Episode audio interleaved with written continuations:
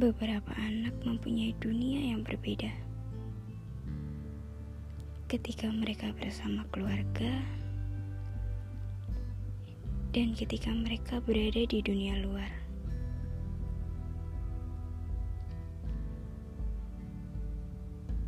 terkadang pun hal yang membuat anak semakin jatuh bukanlah berasal dari luar, melainkan dari dalam keluarga itu sendiri.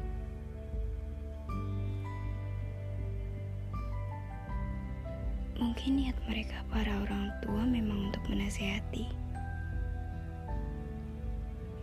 Namun bagi kita, cara itu menyakiti. Ucapan yang kasar, menyudutkan hingga tak memberi waktu untuk menjelaskan, lalu menolak atas apa pun alasan yang kita berikan. Please, bila di antara kalian yang saat ini berada pada posisi sebagai orang tua, ku mohon jangan tersinggung terlebih dahulu.